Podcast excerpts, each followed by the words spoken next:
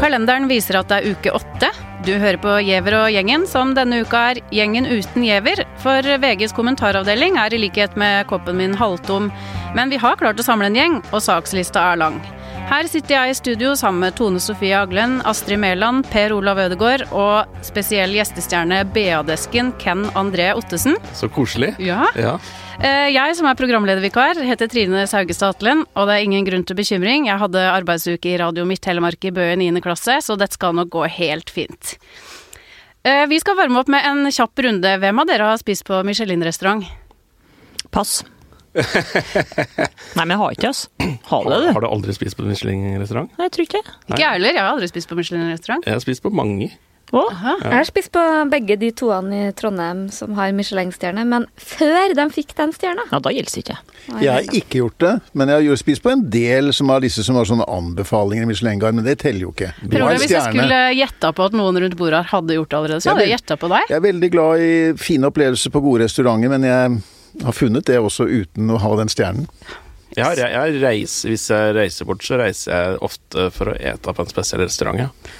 For, for en elite Nei, men eh, ja, det kan du si, men jeg syns det er kjempeopplevelser. Og så eh, I går så åt jeg en eh, Grandiosa som jeg hadde tatt ekstra ost og pølse på, liksom. Det Hva var best?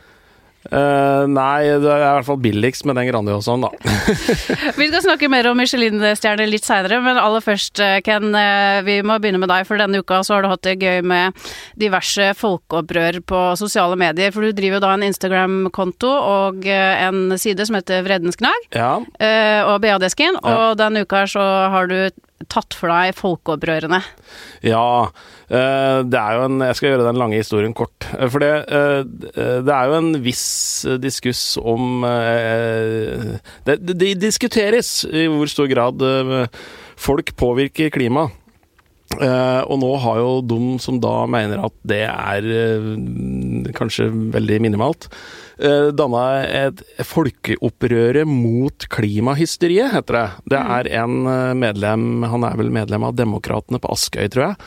Som starta den som en Facebook-gruppe for ei uke siden, og nå har de bikka 100 000 medlemmer. Og han mener at det er 80 000 som står i kø da, for å bli medlem på denne gruppa. Så egentlig så er de 200 000 medlemmer. Eh, og det, det antallet bruker de jo på en måte aktivt for å si at hallo, eh, så mange folk kan ikke ta feil. Eh, så da, eh, i går, så blei det da stifta Folkeopprøret mot Folkeopprøret mot, folk, nei, mot klimahysteriet, som er på en måte en sånn motgruppe.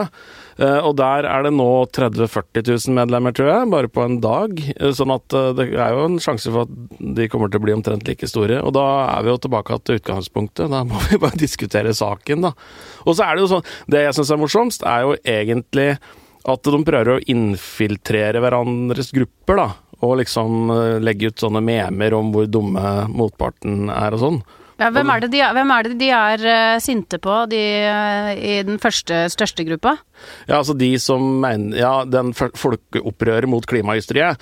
Nei, det, det, det er litt vanskelig å få tak i, for det det er jo ikke én type folk som er der heller. Det er, du har liksom de som er totalt klimafornektere. Eh, Som mener at dette får vi ikke gjort noe med uansett, vi kan bare spy ut det vi vil. Det er sola som styrer det, eller noe annet. Og så har du de som er eh, lettere irriterte på alle avgifter og eh, sånn som innføres, eh, og mener at eh, vi i Norge står for 0,05 av verdens CO2-utslipp, hvorfor skal vi blø når kinesere gjør null, liksom? Eh, som jeg har en eh, Jeg er jo fra bygda, så jeg har jo en viss forståelse for det. For det er når Norge innfører Ja, det sitter jo en haug med folk på Stortinget og sier at nå skal vi innføre mm, elferjer, og nå må vi fly mindre, og nå skal vi sette opp vindturbiner og sånn. Og folk må ta mer kollektiv. Det er veldig enkelt for dem, eller folk som bor i Oslo å si det. Altså Jeg går tre meter fra leiligheten min rett på T-banen, og så er jeg på jobb. Men hvis jeg hadde bodd på Toten så skulle begynne å ta kollektiv, så måtte jeg liksom ha tima bussruta hvis det går buss hver tredje time, liksom. Tone Sofie, har du fått med deg det her? Jeg har i hvert fall registrert det, og jeg følger jo eh, litt med på de her eh, protestgruppene. For det er jo liksom det, er jo det man gjør om dagen. Er det om det er fergepriser, eller om det er Widerøe, eller om det er vindmøller, så lager man en sånn uh, gruppe, og så blir man Å, oh, det er vokst 20 000 på ett døgn. Uh, så ser jeg jo da hvordan de utvikler seg, og det virker jo som uh, de, de, mister veldig sånn kontrollen over det som kanskje er et godt diskusjonsforum, og blir veldig mye sånn nettrolling og sånn. Og det ser jeg, kjenner noen som har starta sånne grupper, at det, det vokser dem fullstendig over hodet. Så liksom, jeg tror liksom det er en stund det der går, da. Eh, det her minner jo litt om bompengeopprøret også, som eh, vi har sett. Og det blei jo et politisk parti ut av. Kan det bli et politisk parti ut av dette klimaopprøret? Hmm, vi har jo en del klimafornektere i Frp, da. Det virker ikke som de egentlig har vunnet, det kan ikke egentlig si det. De har jo hatt noen utspill opp igjennom, men det, hvis det blir 0-0, da, sånn som Ken sier, så, så blir det jo ikke noe parti da. Ja, men altså, mitt inntrykk av disse gruppene her er at de, de favner så på en måte så vidt òg. Det var Borten som sa eh, 'bæra sprikende staur'. Men dette blir omtrent som å prøve å balansere noe på kokt spagetti, tror jeg. For det er så sprikende.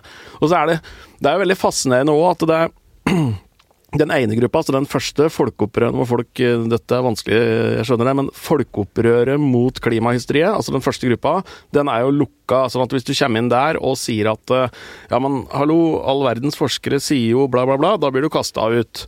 Uh, mens den andre gruppa er åpen. Uh, og så prøver de da, som sagt, å infiltrere uh, hverandre. Men det, for meg så blir det litt sånn blir omtrent som å være Arsenal-fan og så gå på sånn Liverpool-Tottenham-kamp og så stå hele tida og rope borti hjørnet at Arsenal er best. Arsenal så Er det noe vits i, egentlig? Kan vi ikke bare ha guppen for seg sjøl, da? Det, stoler du ikke på forskning, så stoler du ikke på forskning, liksom.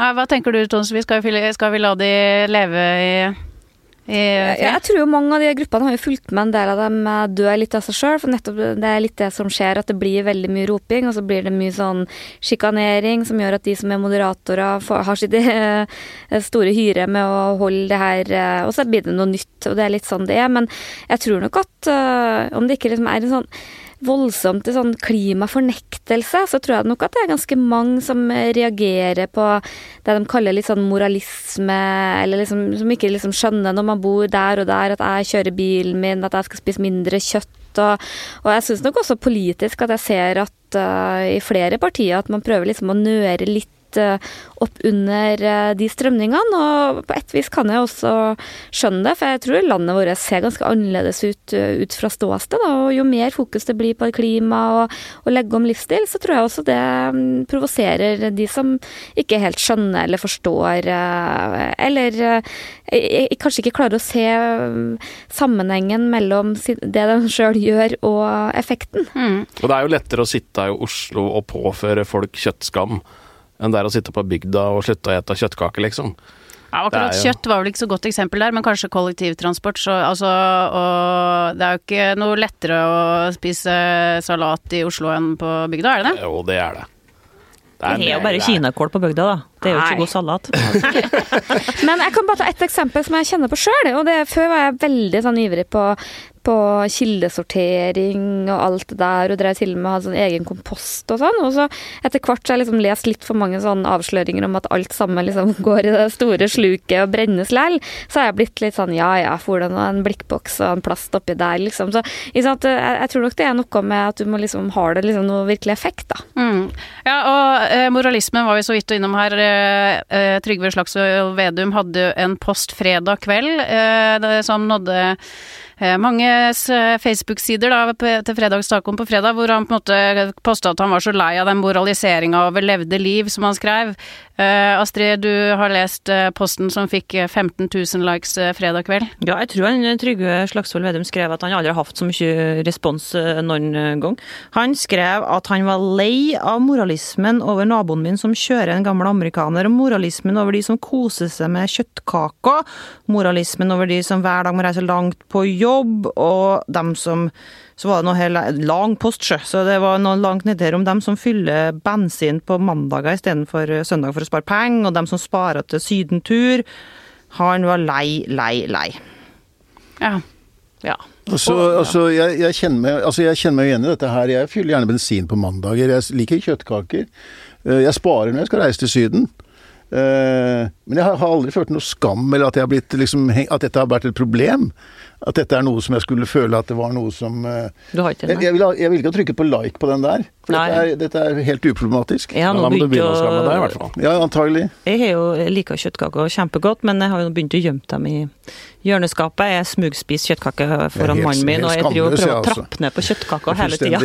Og ikke minst så har du akkurat vært i Syden sammen med meg, Astrid, så vi måtte spare en stund. Jeg sparer og sparer og sparer da. Men jeg skammer meg òg. Men jeg kan jo si jeg har jo følt kjøttskam i 30 år, og gjort noen ting med det. Jeg har jo ikke spist kjøtt på ja, 27-28 år. Og i veldig mange år så, så kamuflerte jeg ofte det på middager og sånn, for det ble så mye sånn mas om 'Å, spiser bare gress, hvorfor gjør du det her?' Og, og, ganske mange som også ble ganske provosert, og særlig litt sånn godt voksne menn, for å være helt ærlig. Så liksom, jeg føler jo endelig kan man på en måte bestille vegetarmat uten å få masse rare blikk og måtte forklare seg. Vi har også vært innom pinsettmaten eh, tidligere i sendinga her. Eh, denne uka her så skrev eh, Ja, det var jo først og fremst flere restauranter i Norge som da fikk Michelin-stjerner denne uka her. Det var jo veldig stor stas. Men da skrev Senterpartiets Geir Pollestad denne uka her at ja Uh, han, Pinsettmat er ikke helt min greie, skrev han da, hvor han på en måte problematiserte litt uh, uh, all den oppmerksomheten ja. som Michelin-stjernene fikk. Mm. det har også blitt debatt utover i uka, egentlig. Det er egentlig en god debatt. Nå viste det seg at han angra etterpå. Han trakk det tilbake og ga seg sjøl terningkast to, men hva sier det liksom om strømningene i samfunnet, Tone Sofie? Nei, jeg tror nok han uh, tok litt mye Møllers tran, som politikerne liker å si når de For jeg tror nok det var liksom et forsøk på å liksom, ta det rommet og latterliggjøre litt sånn eliten og sånn, men han feilberegna nok litt både saken og publikummet. For uh, i hvert fall sånn Trøndelag som jeg kjenner, så er folk utrolig stolt av uh, de her Michelin-restaurantene, og ikke minst hvordan de bruker landbruk og, og, og de gårdsbrukene og bruker den lokale maten. Og også de som er Senterpartifolk, har også vært veldig opptatt av det her. Så der tror jeg rett og slett at han uh, krasjlanda fullstendig i forsøket på å spille på det her, da. Jeg tror ikke at vi har sett et sånn rotterace i det siste, eller en skikkelig sånn maraton mellom Frp og Senterpartiet som ligger og kniver på målingene. De er på 14,5 ca. begge to. I går kom Frp først i målinga til Nettavisen, så nå leder faktisk dem. Og de prøver å komme med utspill hele tida. Kom i media, kom på Facebook, og så er det ikke alt som lykkes. Nei, og så er det jo Altså, øh, jeg er jo fra Toten, og jeg, jeg, kan, jeg, jeg hadde ikke tatt med mora og faren min på en Michelin-restaurant. Det er liksom helt meningsløst. og det, uh, Fattern var på en sånn fin restaurant en gang, og da uh, var han så skuffa. Han hadde bare fått noen sånn salatblader oppetter en pinne, og så sparka han att i dørstokken på vei ut, og så var han like sulten at han måtte gå i pølsekiosken, liksom. Men de, de, og det er jo utrolig stolte av at uh, de beste restaurantene i Norge og, og, for så vidt da i verden, uh, skriver på menyen sin at de har egg fra Toten, eller poteter fra Toten, eller Så det er, jo, det er, jo, der Pollestad driter i buksa, og det er jo fordi at den, eh, de folka som kanskje ikke nødvendigvis et på disse Michelin-restaurantene, de produserer jo noe av verdens beste råvarer som vi som da liker å gå og ete på disse restaurantene, et, da. Sånn at det blir jo, Han prøvde kanskje en sånn by mot bygd-variant, men her er det jo på en måte virkelig samarbeid mellom by og bygd. Hvis jeg skal forsvare den litt, da, så, så så kan jeg jo også skjønne litt av det for han som er opptatt av landbruk. For jeg syns noen ganger at det kan bli vel mye kontrast mellom eh, det her spesiallandbruket, hvor man er på fornavn med hver eneste ku og masserer dem, og det er ikke måte på hvor fantastisk, og liksom det store landbruket som, som de fleste av oss spiser mat fra. Altså, jeg er jo kanskje vel så opptatt av at det skal forbedres og, og bli grønnere og mer uh, dyrevelferd enn liksom akkurat de her små spesialtingene, men jeg tror jo at det henger sammen. Vi får gi terningkast på Pollestads uttalelser sjøl. Hva lander vi på? Ja, det er én, ja. Ja, men samtidig så skapte du en veldig god og ganske morsom debatt utover uka. Han må få litt kred for det. Ja, ja, ja. Takk til Pollestad. Vi i media er jo kjempetakknemlige for, for, hjelpa. Det er jo vinterferie, det er ganske kjedelig rundt omkring. Det er ellers lite som skjer, så tusen takk til Geir Pollestad for den drahjelpa denne uka her. Så én til utførelsen og seks til resultatet, da? Ja, noe sånt. Ja. Noen som i hvert fall bør få sex, er jo disse norske kokkene som vant verdensmesterskapet her i går. Ja, de... I kokkekunst. Så det har vært mye snakk om mat denne uka. Ja. Vi må videre i sendinga. Lørdag skal velgere i Nevada si sin mening om hvem som bør bli demokratenes presidentkandidat i 2020. Og i går kveld så var det debatt mellom kandidatene i selveste Las Vegas. Vi skal høre et lite klipp fra hvordan det gikk. I'm a New Yorker. I know how to take on an arrogant con man like Donald Trump understand that. So I, would like to talk about who we're running against. A billionaire who calls women fat broads and horse-faced lesbians. And no, I'm not talking about Donald Trump. I'm talking about Mayor Bloomberg. You should also ask how Mayor Bloomberg in 2004 supported George W. Bush for president. The mayor says that he has a great record, that he's done these wonderful things. Well, the fact of the fact, the fact of the matter is he has not managed his city very, very well. Uh, per Olav Ødegård, hva var det vi hørte her? Ja, eh, aller først så hørte vi da mm, eh, Så hørte vi da Bloomberg, altså Mike Bloomberg, eh, som var med i sin aller første debatt. da. Det har vært mange debatter i denne her primærvalgkampen. Første gang han var med, og han startet dette her, så kom Elizabeth Warren veldig hardt inn og kritiserte han. Deretter så meldte Bernie Sanders seg på, som vi hørte, og til slutt Joe Biden. Dette vi må kanskje jo... si at det her er jo da på, dette er jo som høydepunkter klippet sammen. Det var ikke så hissig stemning gjennom hele debatten. Nei. Vi har gjort et lite utvalg. Ja, det var vel Ja, New York Times gjorde vel utvalget for oss. Mm. Men uh, i alle fall um, så var dette her utvilsomt den debatten til nå som var den mest personlige, den hardeste og den aller bitreste sånn der, eh, ordvekslingen da, som har vært så langt. Altså Nå er liksom hanskene av, som det heter, og nå angriper de hverandre for med alt de har. Um, for nå nærmer det seg Elizabeth Warren uh, henviste til at Blueberg hadde kalt uh, uh, noen i apparatet sitt for en horsed-faced lesbian, var det det? Ja. En ja, altså det, hun, det hun, trakk fram var at uh, altså Bloomberg er jo, er jo, leder for et, eh, et, eh, et, et kjempestort selskap. Han, en, han, er en av USAs rikeste menn, og han har ledet denne virksomheten fra Wall Street. og han han har tegnet en del sånne avtaler med ansatte, hvor de taushetsavtaler. Altså det har oppstått konflikter på arbeidsplassen, og det, og det, er kvinner som har anklaget ham, og så har de inngått et avtale som som består i at de ikke kan snakke om det som har skjedd. Og det var dette hun presset ham på for å uh, for at eh, de skulle bli fritatt for denne taushetsplikten, da, og si hva han egentlig hadde sagt. Men hun gjenga jo en del av de tingene som du sier, ja, ja, som har blitt brukt. Men eh, hvordan klarte Mike Bloomberg seg i går? Veldig dårlig. Ja. Uh, og han avfeide liksom de konfliktene på arbeidsplassen, altså den trakasseringen da, som uh, Warren snakket om, det avfeide han med at ja, kanskje det var en dårlig vits som ikke de forsto. Det er liksom Det er sånn når Det er sånn mansplaining av uh, mannlige bedriftsledere 78 år gamle, ikke sant, som skal prøve Det var en dårlig vits, og ble liksom ikke bagatelliserte det, men han kom veldig dårlig ut av det. Men så skal han jo sies at han hadde et ganske vanskelig jobb, fordi han ble jo utsatt fra, for angrep fra samtlige andre i debatten. Alle skulle ta han, fordi han er den, eh, den stigende stjernen i dette feltet her sånn. Han er en konkurrent å regne med, og derfor skulle alle bringe han ned. Mm. Det minner jo veldig om eh, en av mine favorittserier, Succession, egentlig. Det her med taushetsavtaler og noen som vil bli, bli, noen som vil bli president fra næringslivet og sånn. Hva syns dere andre om ordskiftet i, i denne kampen om dagen? Hva var han sa? Hest, lesbiske med hestefjes som var feite? Nei. Det var to forskjellige, det, da. Det var, det var noen som det var, det var, noen som han kommenterte vekta til, og andre som da kommenterte andre lesbiske som han kommenterte også utseendet til. Han, han, kan jo kanskje slå Trump, da, for han virka å være på nivå med Trump sånn, eh, sånn, sett, da. Ja, men noe av forskjellen var jo det at eh, altså på denne tiden for fire år siden, så var Trump i ganske sånn hard primærvalgkamp mot republikanske konkurrenter.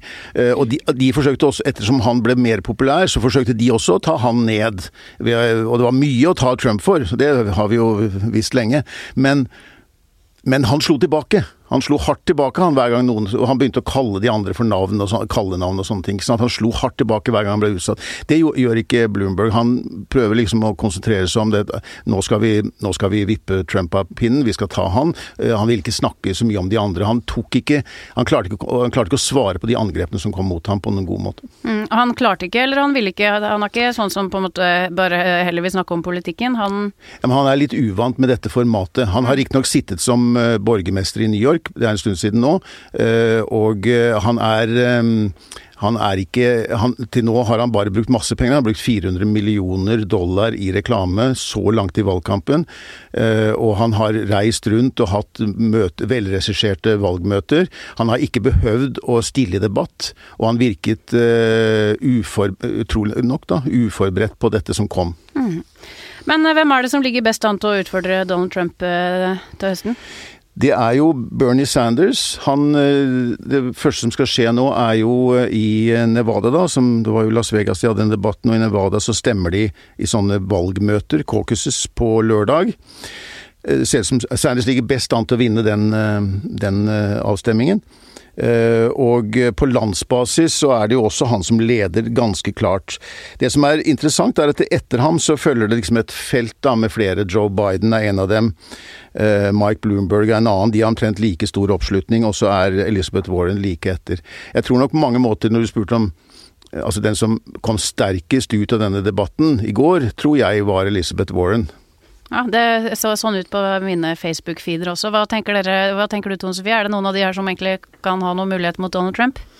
Nei, jeg må si jeg er ganske bekymra for det. Jeg frykter at, uh, at, uh, at, at, det er gode muligheter for uh, gjenvalg, også når du ser det, det laget der. Jeg må jo si som seer, så så vi har jo liksom lært det vi, i studietida sånn, at uh, USA er veldig annerledes enn all annen politikk, i hvert fall i Norge, med den negative campaigningen og sånn. Men å høre liksom De er jo på sett og vis partifeller, og hvordan de snakker om og til hverandre, det, jeg synes det er ganske uh, sjokkerende. Og jeg, det er ikke så veldig mange som frister å stemme på, men uh, jeg må innrømme at jeg er litt svak for han Butterdeig, som jeg kaller han.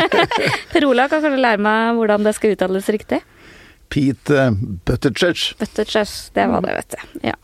Ken, hva tenker du? Det minner meg liksom litt om Venstre. Du sa liksom at det var helt annerledes politikk i USA, at de, de, det er så mye person, personkonflikter og sånn, men det minner meg litt om Venstre. Men, eh, men eh, nei jeg, Det er bare under overflata, da, Ken. Ja, det er riktig. Ja. Ikke ja. Nei, jeg, jeg følger jo, prøver jo å følge med så godt jeg kan. Jeg er ikke noen sånn ekspert som Per Olav er. Men det som slår meg litt, er at du, du kan jo på en måte få hvis Bloomberg, eh, og det tror jeg faktisk ikke den klarer, men hvis den gjør det, eh, og blir demokratenes eh, presidentkandidat, så vil du jo på en måte få en slags han er jo ikke verdens høfligste mann heller, men det blir en slags høflig Trump mot bølle-Trump. For de har jo Egentlig så er bakgrunnen deres ganske Altså, de er rike, og, og, det er jo et eller annet i USA, så er jo folk veldig fascinert. Altså, det beste tegnet på at du er flink og god i USA, er jo på en måte at du er rik. Da har du klart det, liksom. Og da Og det brukes som noe positivt i USA. I Norge så kan det fort være litt sånn negativt. Hvis Norges rikeste mann stiller til som, som statsministerkandidat her, så vil det jo på en måte bli å se på Støre, det. Han har nå trøbbel nok. jo, men, men samtidig så er det jo sånn Hvem var Norges første statsminister? Christian Michelsen. Han var jo òg en av Norges rikeste menn. Eh, sånn at på den tida så var det ok, det ble brukt ok, du skal styre et land, du har styrt et selskap kjempebra da, og blitt rik, da må du vel Dette er jo det største firmaet i dette landet, det må jo være landet, liksom. Da må det være en positiv greie. Og sånn har det blitt brukt. Det ble jo sagt om Trump òg. Han har bevist at han klarer seg i forretninger, da kan han sikkert styre, styre USA. Og så tror jeg òg det er positivt for de kandidatene, for det er så stor politikerforakt, uh, både i Norge, men spesielt i USA, at uh, jeg tror folk tenker at uh, du har så sinnssykt mye penger fra før. Så du trenger på en måte ikke å stjele mine eller skattebetalernes penger og berike deg sjøl. Du har nok. Ja, en av de eh, kanskje minnrike replikkene i går var, Han fikk inn én god replikk, i hvert fall, eh, sikkert andre også, men i hvert fall én eh, Bloomberg da han skulle prøve å ta Sanders. Og han sa dette er jo et ganske fantastisk land hvor den mest berømte sosialisten er millionær og eier tre hus. Og da siktet han jo da til Sanders, som reagerte veldig sint og forarget på liksom, å bli utpekt på den måten, da. Og, eh, men det som er eh, eh, og det som er Bloombergs på en måte argument, er jo at han har både mer penger og har mye større suksess da, i forretningslivet enn, han, enn, det Trump har. Det er jo det han egentlig fremhever. Han sier og jeg har skapt min egen formue. Trump har arvet og, og, liksom rotet bort mye på veien. Det er jo det han sier. At, så han framstår liksom som en self-made amerikansk helt, ikke sant. Altså kapitalistisk helt, da. Men til gjengjeld så er Trump mye høyere, har jeg fått med meg. Han er litt høyere, han er det. Han er, men, men samtidig og, det er, det og, og, det gjør også at Trump kaller han alltid for Little Mike. Men, men, men, det er jo et faktum da at Mike Bloomberg er akkurat like høy som Vladimir Putin, og Trump har aldri kalt Putin for Little Vladimir. Great man. Vi skal videre til en annen eh, self-made eh, person som eh, har tjent mange millioner og heller ikke er så høy. Vi skal snakke litt om influenserne, fordi at akkurat i det debatten om influensere og kroppspress og hva de gjør med unges mentale helse var over, trodde vi, eller i hvert fall hadde stilna, så har det plutselig blussa opp igjen. Tone Sofie, ja, du har snakka en del om influensere i dag. Jeg hamra løs en kommentar rett før vi gikk i studio her. Du skriver også om Eh, noe om influensere og kroppspress til lørdag. Litt mer eh, langt uh, langsikt-prosjekt. Ja, ja, ja, det er veldig, veldig, veldig bra. Hva, hva, det, hva, var det som skjedde i dag, eller? Nei, det som skjedde i dag var jo det man nesten ikke tror sine egne øyne. Når EF Språkreiser, da, som jo reklamerer for å sende barn ut i verden for å lære språk fra ti år, har jo brukt denne Sofie Elise i sine reklamer for for, eh, for eh, språkreisene. Og, og, og, det vi rett og slett får se på bildene, er jo en særdeles lettkledd uh, ung dame. Litt vanskelig å se i ansiktet, men til gjengjeld så ser du baken, og den er meget synlig. Og jeg må si at det er ganske sånn sjokkerende på vegne av alle foreldre at en sånn aktør gjør det? Ja, jeg har skrevet en liten kommentar som skal ut nå rett etterpå. Der stiller jeg spørsmålet sånn Ville du som forelder sendt elleveåringen din på språkreise hit. Uh, fordi at eh, når man ser de bildene, og uh, lurer på hvem det er som, hvilke foreldre som da tenker sånn hm, ja dette ser ut som en oppbyggelig og lærerik språkreise eller sommerskole å sende tolvåringen sin på da, mens vi andre sitter på hytta i Valdres.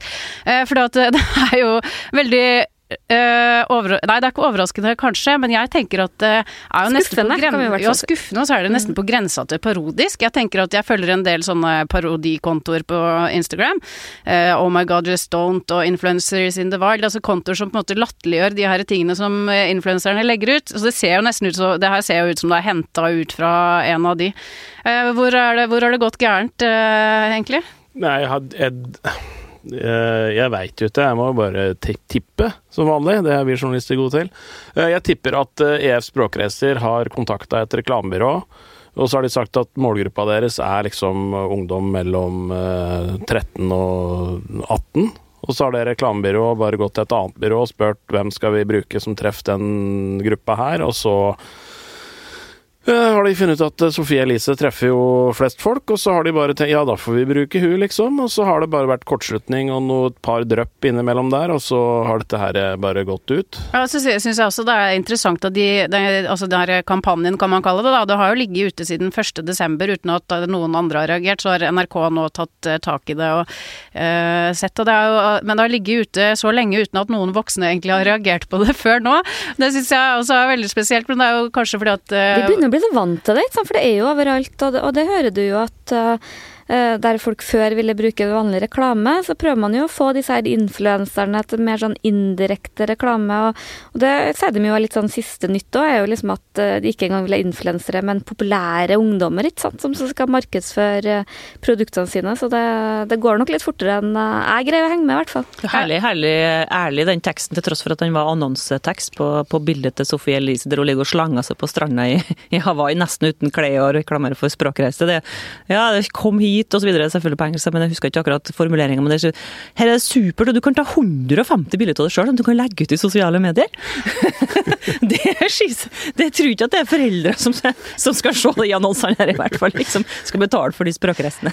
Nei, så klarer jeg liksom ikke å dy meg fra å tenke på den der dobbeltmoralismen heller, som tydeligvis går rett gjennom uh, i den bobla vi lever i. Da, at uh, Vi så jo Sofie Elise sitte i stillhet for klima, altså demonstrere for klima i høst, blant annet på Arendalsuka. Fløy ned for å sitte tre minutter stillhet for klimaet noe sånt, og så reise uka etterpå da med fly eh, jorda rundt for å ta 150 bilder av seg sjøl og legge det ut eh, for språkreiser. Det er jo ikke det er jo, det er, Man skulle jo tro det var tull og tøys og parodi, men det er ikke det. Nei, men når banken ringer og spør om hvorfor ikke uh, forrige lån ble innfridd, så her har du litt moral. Sender over litt moral, jeg. Ja. Kan jeg vippse? Det er jo penga rår. Ja, men kan ikke, vi kan jo ikke ha det sånn. Uh, jo, det er jo sånn det er. ja, ja. Eh, vi skal avslutte med høydepunktet i sendinga. Vi skal trekke vinnere av quizen som vi hadde på Facebook i forrige uke. Eh, vi hadde altså en nyhetsquiz på Gjever og Gjengen sin Facebook i forrige uke. Vi deler ut kopper. Nå skal dere få trekke hver deres, ven, hver deres vinner her. Jeg gir dere et ark, og så må dere liksom holde, holde for øynene, da. Og så kan dere bare peke på en vinner og så si hvem det var som vant. Um, vi er ikke mer avanserte enn som så at jeg bare har printa alt sammen. Uh, og så er det jo et lite tips her, da, at uh, de som skriver lengre ting i kommentarfeltet, det er jo da større sjanse for at det er de som stikker av med kopp. Ken, jeg så du hadde funnet deg en. Inge André Moen. Inge André Moen. Hva skriver han? Han kjenner jeg. Syns merkelig nok at Gjertsen er mer høyremann. Ja, se det. Det spiller på et av spørsmålene i quizen, eh, ja. som ikke handler om hvem Gjertsen faktisk stemmer på, men det handler om hvem han får når han tar sånne tester, da. Ja, og så var det hun med det rare navnet. Ja. Eh, Tone Sofie? Ja, her står det han bare siden forrige. Han bor i Ålesund, så det var litt artig at jeg visste hvem jeg var. Vegard Løknes, litt over gjennomsnittet stolt over at jeg også klarte det der Oscar-spørsmålet. Ja, så bra. Jeg tror han har fått en kopp før, faktisk. Nei. Så da kan han gi, gi, gi julegave. Astrid fant en vinner. Ja, Torgeir Torgeir Kinn han fikk faktisk sju av sju godt eh, ved god hjelp av tipping og eliminasjonsmetoden. Og så er det Gunhild Grimstad som òg fikk sju av sju. Mulig det er en selvfølge, men litt stolt likevel. Ja, du snakket til å trekke to vinnere der, det er bra. Hæ? Det var ikke meningen at jeg skulle få trekke. Det, det, jo jo da, du kan få lov til Du kan få trekke, du kan få min. Uh, per Olav? Um, her var det en som fikk syv av syv rette, ja. Egil Olsen. Egil Olsen, er det Drillo? Jeg klarer ikke å se ut fra bildet her. Det var helt tilfeldig valgt på min. Han har lagt med et lite smilefjes. Han er jo kjent for å være veldig god i quiz, så kanskje det er Drillo? Fornøyd med syv av syv. Dere var ikke all verdens vanskelige i dag. Ja, ja det høres ut Kan det være han? Det kan være Drillo. Vi det håper det er dårlig kjønnsbalanse i trekninga, da. Ja, det blei eh, fem menn og én kvinne. Ja, ja. Men alle nevnte hun med det rare navnet. Ja. Kvinner er jo representert. Ja, ja. Eh, det var det vi rakk for i dag. Vi kommer plutselig tilbake både med quiz og podkast, vil jeg tro. Eh, her i studio satt Tone Sofie Aglen, Astrid Mæland, Per Olav Ødegaard og vår special guest, eh, gjestestjerne Ken André Ottesen. Jeg heter Trine Saugestad og bak spakene den evige quizvinneren Magne Antonsen.